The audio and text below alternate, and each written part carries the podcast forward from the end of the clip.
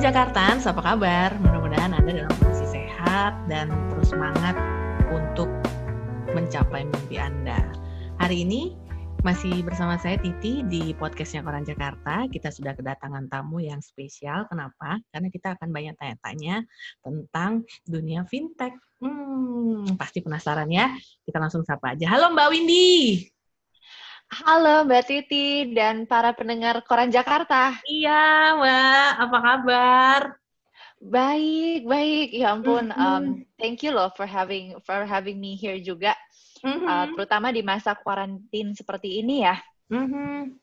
Mm-hmm. Mbak, ini ini berarti uh, work from home ya, Mbak? Iya. Iya. Mbak Windy iya. ya, Jakarta. Ini adalah, hah, kita bisa bilang uh, co-founder di Awan Tunai gitu ya, Mbak Windy. iya betul Mbak Titi. Jadi banyak nih kita bisa tanya-tanya gitu ya, Mbak. Kita tuh baca ya untuk kata pembuka di Awan Tunai yang Mbak Windy pimpin itu ada tulisan mendigitalkan perekonomian Indonesia. Hmm, mungkin bisa dijelaskan Mbak Windy. Oke, boleh Mbak Titi.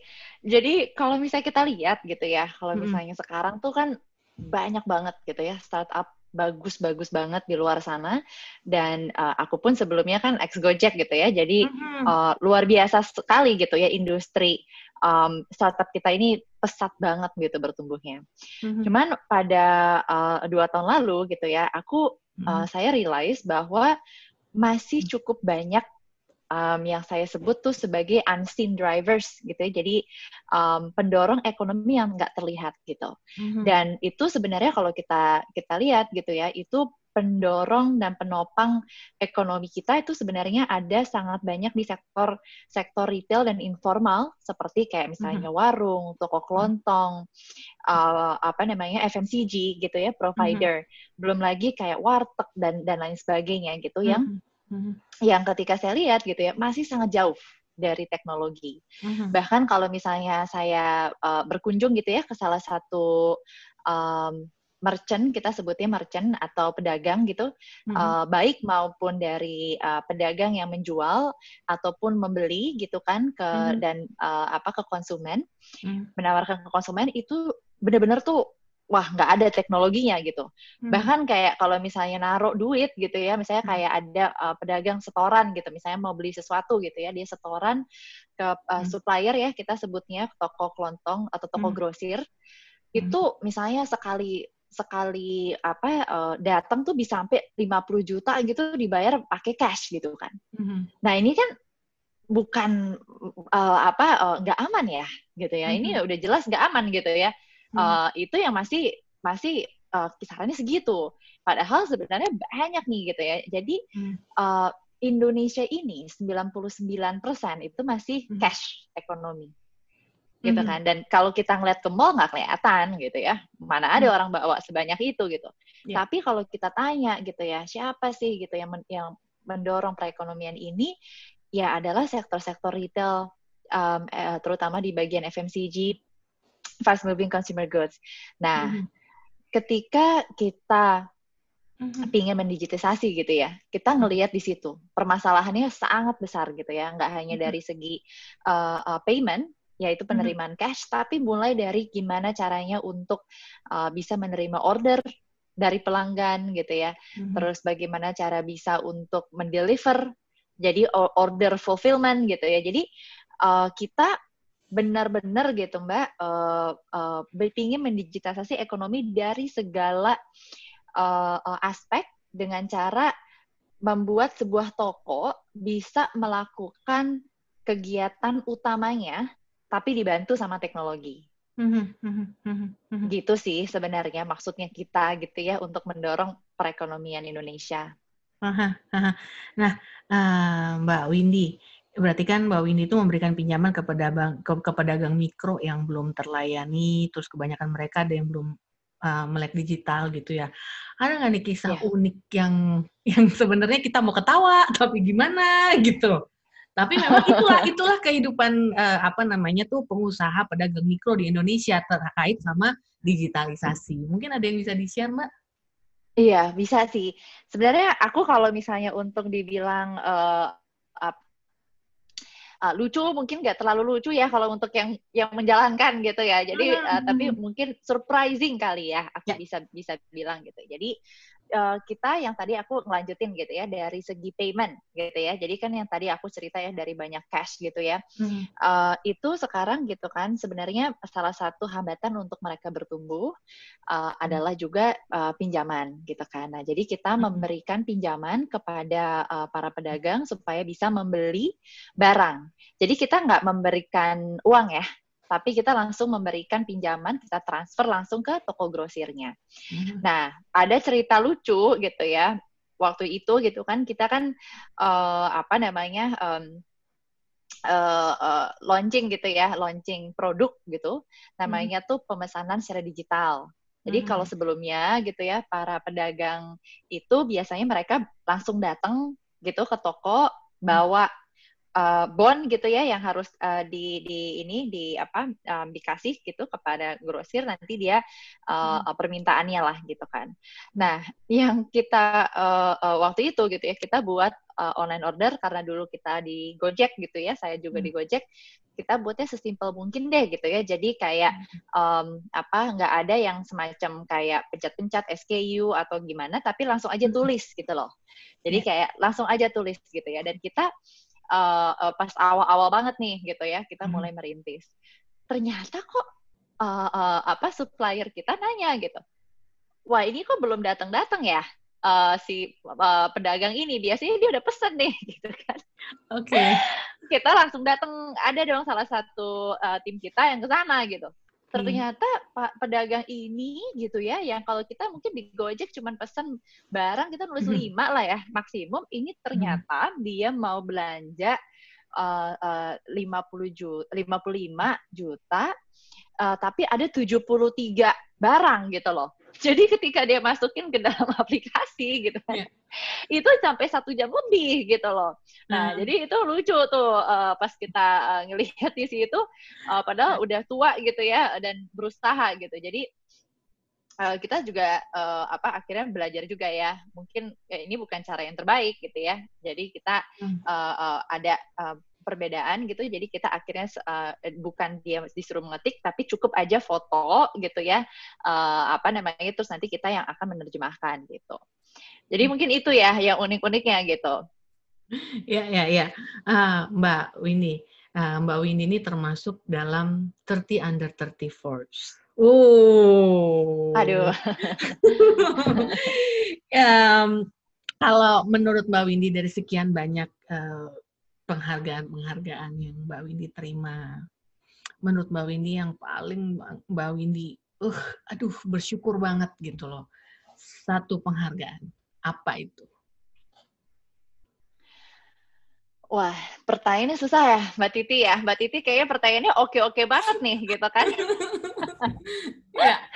Langsung gitu uh, aku tuh kalau mungkin boleh kali ya Mbak Titi, kalau aku boleh sharing sebenarnya, mm-hmm. aku sih merasa gitu ya uh, dengan diberikan um, kepercayaan sama sama uh, tim uh, ataupun juga uh, uh, supplier kita, uh, merchant pedagang itu tuh luar biasa sih Mbak penghargaannya, maksudnya hmm. jauh lebih berarti gitu ya kalau buat saya gitu. Jadi kayak rasa senangnya tuh jauh melampaui gitu ya uh, uh, mendapatkan penghargaan um, bahkan yang dari Forbes gitu ya yang sangat uh, saya juga uh, bersyukur gitu sangat uh, terima kasih atas apresiasinya.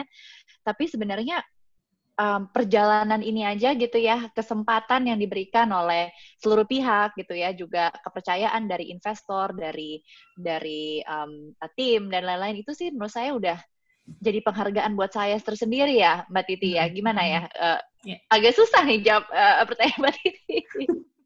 Jadi sebenarnya yang yeah. yang sehari-hari uh, membantu kita dan uh, dalam menyelesaikan berbagai macam urusan itu sebenarnya mungkin penghargaan itu yang Iya, lebih. iya. Apalagi kalau misalnya ada yang bilang, wah uh, ini produknya ini aplikasinya nggak bantu banget gitu. Wah itu luar biasa sih mbak, gitu kan. Dan uh, terakhir hmm. kali gitu ya, uh, salah uh, 80% gitu kalau kita lihat dari para pedagang gitu, mereka untuk transaksi keduanya gitu ya, mereka itu meningkatkan uh, pembelanjaan sampai dua kali lipat. Karena uh, pinjaman kita sangat murah gitu kan dan jadi uh, mereka uh, dari segi keuntungan mereka jauh bisa menyimpan keuntungan uh, yang setelah udah bayar yang uh, uh, biaya admin gitu dan biaya lainnya itu mereka cukup banyak gitu loh. Jadi akhirnya mereka bisa berkembang dan ketika mereka sharing cerita itu itu wah luar biasa sih buat saya dan tim. Mbak bicara gitu. terkait peer to peer. Mm-mm. Ini kan uh, memang uh, bisa dijelaskan nggak? Uh, mungkin jadi jadi jadi informasi juga buat Jakarta segitu. Apa sih nih peer to peer? Apa hubungannya? Ternyata uh, awan tunai ternyata tidak menggunakan uh, kondisi peer to peer dalam bisnisnya atau bagaimana? Mungkin bisa dijelaskan dan kasih pelajaran juga buat kami gitu. Wah jadi mungkin satu ya Mbak Titi gitu. -huh. memang uh, kono, uh, konotasi peer to peer ini memang sudah sangat negatif gitu ya uh, di, di di masyarakat gitu kan. Uh -huh. terutama dan saya pun juga tidak uh, saya pun mengerti gitu ya karena memang sangat sekali banyak sekali uh, peer to peer gitu ya yang uh, disebutnya sebagai uh, loan shark itu kayak uh, uh, apa tengkulak digital gitu ya. Gitu ya rentenir digital gitu. Pinjol pinjol uh, pinjol gitu hmm, kan. Nah um, pinjol ini sebenarnya gitu kan itu kalau kita lihat ya kalau saya sih coba uh, sharing sedikit ya dari pemain gitu uh, pin, uh, sekarang ini sebenarnya sudah ada kurang lebih 350 uh, um, uh, apa pinjol gitu ya yang mm-hmm. terdaftar gitu kan di OJK. Mm-hmm. Nah, terdaftar di OJK maksudnya adalah mereka sudah menghadap gitu ke OJK, mengikuti peraturan-peraturan OJK, mm-hmm. ter, uh, termasuk juga gitu ya dengan yang misalnya cara penagihan gitu ya, mm-hmm. terus misalnya dengan bunga gitu kan. Nah, tapi uh, Mbak, Titi, Mbak Titi dan Jakarta mungkin uh, akan shock ya, ternyata itu yang uh, terdaftar itu jauh lebih kecil dibandingkan yang ilegal. Jadi yang tidak terdaftar sama sekali. Itu hmm. mungkin uh, jumlahnya udah ribuan. Nah, hmm. kalau uh, kita pasti gitu ya Mbak Titi ya, kalau kita uh, dengar berita kan pasti yang yang akan cepat sekali untuk menyebar adalah yang shocking gitu kan dan itu memang uh, uh, fintech fintech ilegal inilah gitu sebenarnya yang hmm. tidak disetujui oleh OJK yang banyak sekali mendominasi hmm. uh, uh, media-media saat ini gitu kan. Hmm. Nah itu mungkin aku akan uh, uh, mulai di situ dulu gitu ya. Jadi pinjol hmm. ini kita bisa kategorikan jadi dua gitu ya. Hmm. Ada yang sudah terdaftar di OJK sama yang belum terdaftar atau kita sebut illegal gitu kan. Hmm. Nah dari yang terdaftar pun sendiri gitu ya Mbak Titi hmm. bisnis modelnya itu banyak banget. Jadi misalnya gitu ya, mayoritas gitu kan itu bisa dibagi antara ini melayani konsumen atau melayani uh, eh, UMKM. Kayak misalnya kalau untuk awan tunai gitu ya, uh, itu kita melayani kan uh, uh, UMKM.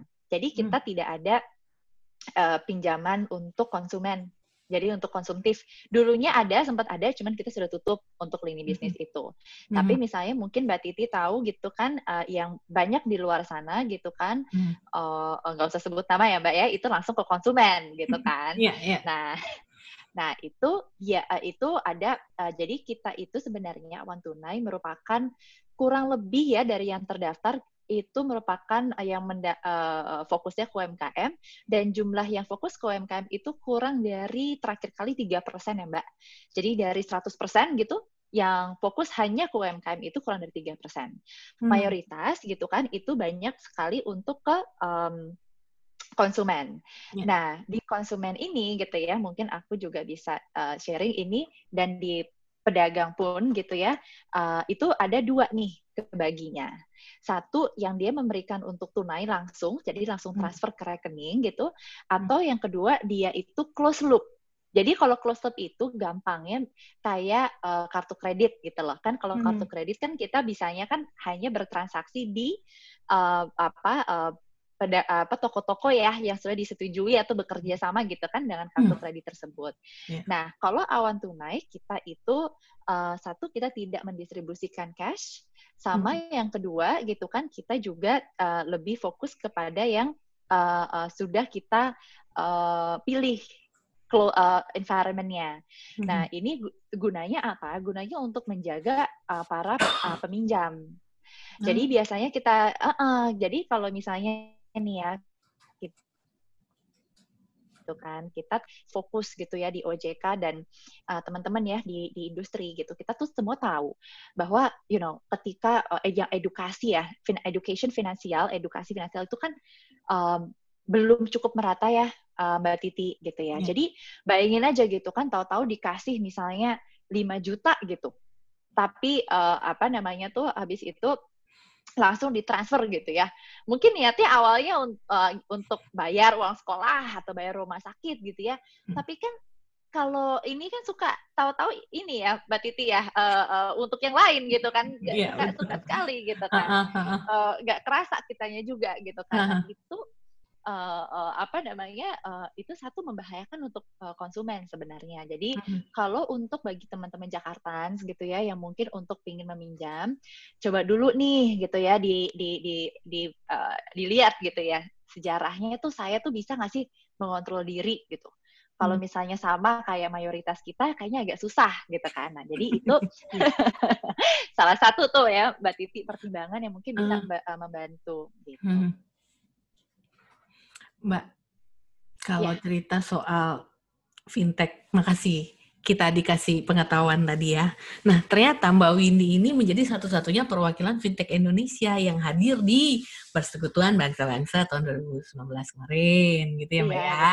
Nah, bisa diceritakan kenapa uh, Mbak Windy yang uh, menjadi perwakilan dan itu bagaimana uh, prosedurnya atau mungkin cita-cita di balik itu gitu? Iya, boleh, boleh. Jadi itu waktu itu uh, tahun lalu gitu ya kita mendapat uh, uh, undangan untuk berpartisipasi hmm. dalam kompetisi um, apa um, sustainability uh, competition uh, untuk SDG jadi Sustainable Development Goals gitu kan dan di mana salah satunya itu menyangkut adalah um, uh, pengembang uh, inklusif finansial gitu ya. Hmm. Nah, terus habis itu kita dengan beberapa uh, uh, player lain gitu uh, di Indonesia dan sebenarnya bukan hanya di Indonesia aja ya Mbak Titi ini mm-hmm. uh, kompetisi untuk seluruh dunia sebenarnya mm-hmm. gitu ya. Kita uh, diperbolehkan untuk mensubmit presentasi uh, uh, untuk menjelaskan bisnis model kita gitu kan. Uh, terus uh, kita menjelaskan yang tadi aku jelasin gitu ya ke, ke Mbak Titi dan teman-teman uh. Jakarta. Dan kita uh, menunjukkan kita bedanya di sini gitu ya. Kita menunjukkan kita benar-benar berpikir dari segi financial hmm. education. Kita uh, dari kita juga um, sangat men memfed gitu ya um, siapa yang kita memberi pinjaman bahkan juga kondisi um, uh, toko grosirnya yang kita kasih. Nah jadi ini uh, uh, itu kita uh, uh, mensubmit itu dan dan kita akhirnya terpilih men, uh, uh, sebagai finalis kalau tidak salah finalisnya itu dari Indonesia hanya dua gitu kan. Mm-hmm. Nah itu akhirnya uh, dan lumayan besar, lumayan bagus-bagus banget finalisnya. Mm-hmm. Dan akhirnya kita uh, kedua itu ada tahapan interview. Mm-hmm. Nah tahapan interview ini langsung ada panel gitu ya, di mana kita uh, dinilai ya. Jadi nggak hanya dari segi uh, bisnis aja, tapi memang uh, yang paling penting dinilai apakah ini memang bisa membantu inklusi finansial gitu hmm. karena sebenarnya kan banyak banget ya mbak Titi yang mungkin uh, temanya inklusi finansial tapi mungkin edukasinya belum ada gitu kan yeah. nah jadi uh, akhirnya setelah itu gitu ya kita uh, uh, bisa disebut gitu ya kita mati-matian gitu ya uh, uh, untuk untuk menunjukkan lah gitu uh, so far nah uh, apa uh, setelah interview itu gitu kan kita uh, kita ternyata lolos gitu hmm. kita dikasih lolos kita dapat satu uh, kesempatan gitu kan uh, untuk mewakili Indonesia. Mungkin itu yang menurut saya uh, lumayan um, membanggakan ya gitu buat teman-teman gitu juga uh, di industri dan sangat didukung juga oleh OJK waktu itu gitu kan uh, karena memang ya um, bisnisnya ini sangat sulit ya untuk menemukan bisnis model pinjaman yang memang uh, sustainable. Yeah. Akhirnya kita diundang dan kita di uh, presentasi uh, diminta presentasi ke sidang umum PBB. Mm-hmm. Jadi um, banyak sekali perwakilannya dari negara-negara kita sharing dan itu uh, akan diadopsi uh, bisnis modelnya gitu kan ke beberapa negara. Mm-hmm. Itu sih kayaknya kalau yang untuk bisa saya share. Mbak Titi. Wah, seru banget bisnis modelnya kan dibawa kan di, di beberapa negara-negara gitu ya. Jadi iya, ada copy iya. paste-nya si awan tunai ini ke di beberapa negara berarti ya. Bisa jadi gitu. Kalau kita uh, kita sih harapnya kita duluan ya Mbak Titi ya, kita ekspansi gitu kan iya, keluar yeah, yeah, gitu ya. Betul, betul. Membawa bendera, tapi kan ya maksudnya pasti ada akan ada lah yang mirip-mirip. Mm -hmm. Kalau aja bisnis model itu bisa dipatenkan ya. kalau saya Mbak Titi, kalau uh, kita di dunia startup gitu ya, mm -hmm. strategi gitu ya, itu uh, uh, bisa kita kita copy, tapi eksekusi hmm. itu yang sulit untuk di copy. Jadi kalau kita sih waktu itu kita sangat terbuka untuk sharing uh, hmm. dan sama kayak Mbak Titi sekarang gitu ya kita sharing juga karena memang uh, butuh uh, luar biasa sih peng, uh, perjuangan jadi kita nggak uh, terlalu takut ya dari segi paten atau dari segi itu gitu ya enak yeah. banget kalau bisa tapi kalaupun enggak kita juga percaya sih bahwa uh, eksekusi yang yang menentukan Hmm, saat ini di tengah pandemi COVID-19, uh, Mbak hmm. Windy, uh, berapalah aplikasi yang sudah masuk ke Awan Tunai dari seluruh Indonesia UMKM? Iya, pastinya kita sekarang aplikasinya untuk uh, kita uh, apa namanya yang masuk gitu ya, terutama hmm. dalam kondisi pandemi ini kita uh, melihat gitu ya, udah kurang lebih 50% ya peningkatan gitu ya.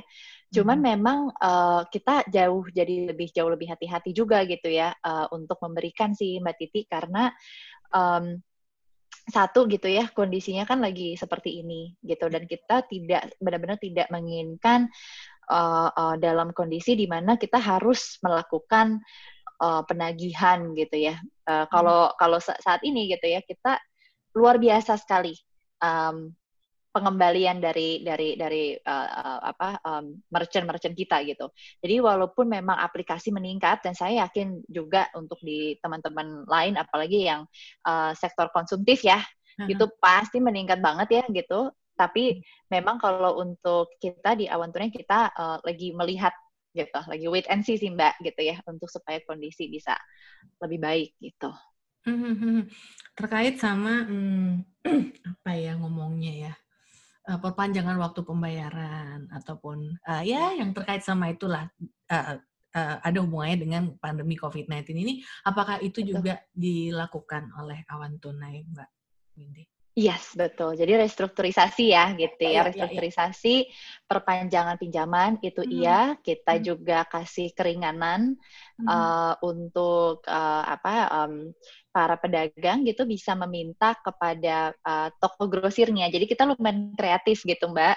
Hmm. Uh, uh, ide-ide dari tim tuh kreatif sekali. Jadi ada yang bilang bahwa misalnya oke okay, uh, dia bisa milih nih gitu ya mau diperpanjang hmm. atau misalnya gitu ya dia bisa minta gitu kan ke uh, uh, bantuan ke toko grosirnya. Jadi seolah-olah gitu ya nanti toko grosirnya uh, uh, menjamin lah gitu loh. Nah itu kita juga kita juga uh, apa uh, uh, perbolehkan perpanjangan dengan adanya itu gitu kan tanpa hmm. adanya kenaikan uh, bunga atau atau hal lainnya gitu jadi pastinya ya kita merespon uh, dan kita merasakan uh, apa penderitaan juga dari dari teman-teman pedagang yang pastinya kan juga uh, barangnya dalam kondisi PSBB seperti ini kan berkurang ya Mbak ya penjualannya -hmm. gitu. Jadi kita hmm. juga juga melakukan hal itu. -hmm. Oke, Mbak Windy, terima kasih atas waktunya. Senang banget sama Mbak Titi. Ya. Uh, mudah-mudahan nanti Mbak Windy bisa bagi-bagi informasi lagi atau mungkin bisa ngajar nanti suatu saat. Wah, Wah, kode ya Mbak ya kayaknya ya. Terima kasih, Terima kasih Mbak, Mbak Titi. Semoga sehat terus dan sukses buat awan tunainya. Semoga bisa mem memberikan dampak lah buat masyarakat Indonesia terutama industri UMKM. Amin yang pasti saat ini sangat terdampak dengan kondisi pandemi COVID-19. Oke, Jakarta demikian interview kita tadi. Sangat seru bersama Mbak Windy Natriavi, co-founder dari Awan Tunai. Saya Titi undur diri, sukses dan sehat terus. Bye! Halo Jakarta, jangan lupa dengerin podcast diskusi Koran Jakarta hanya di Spotify.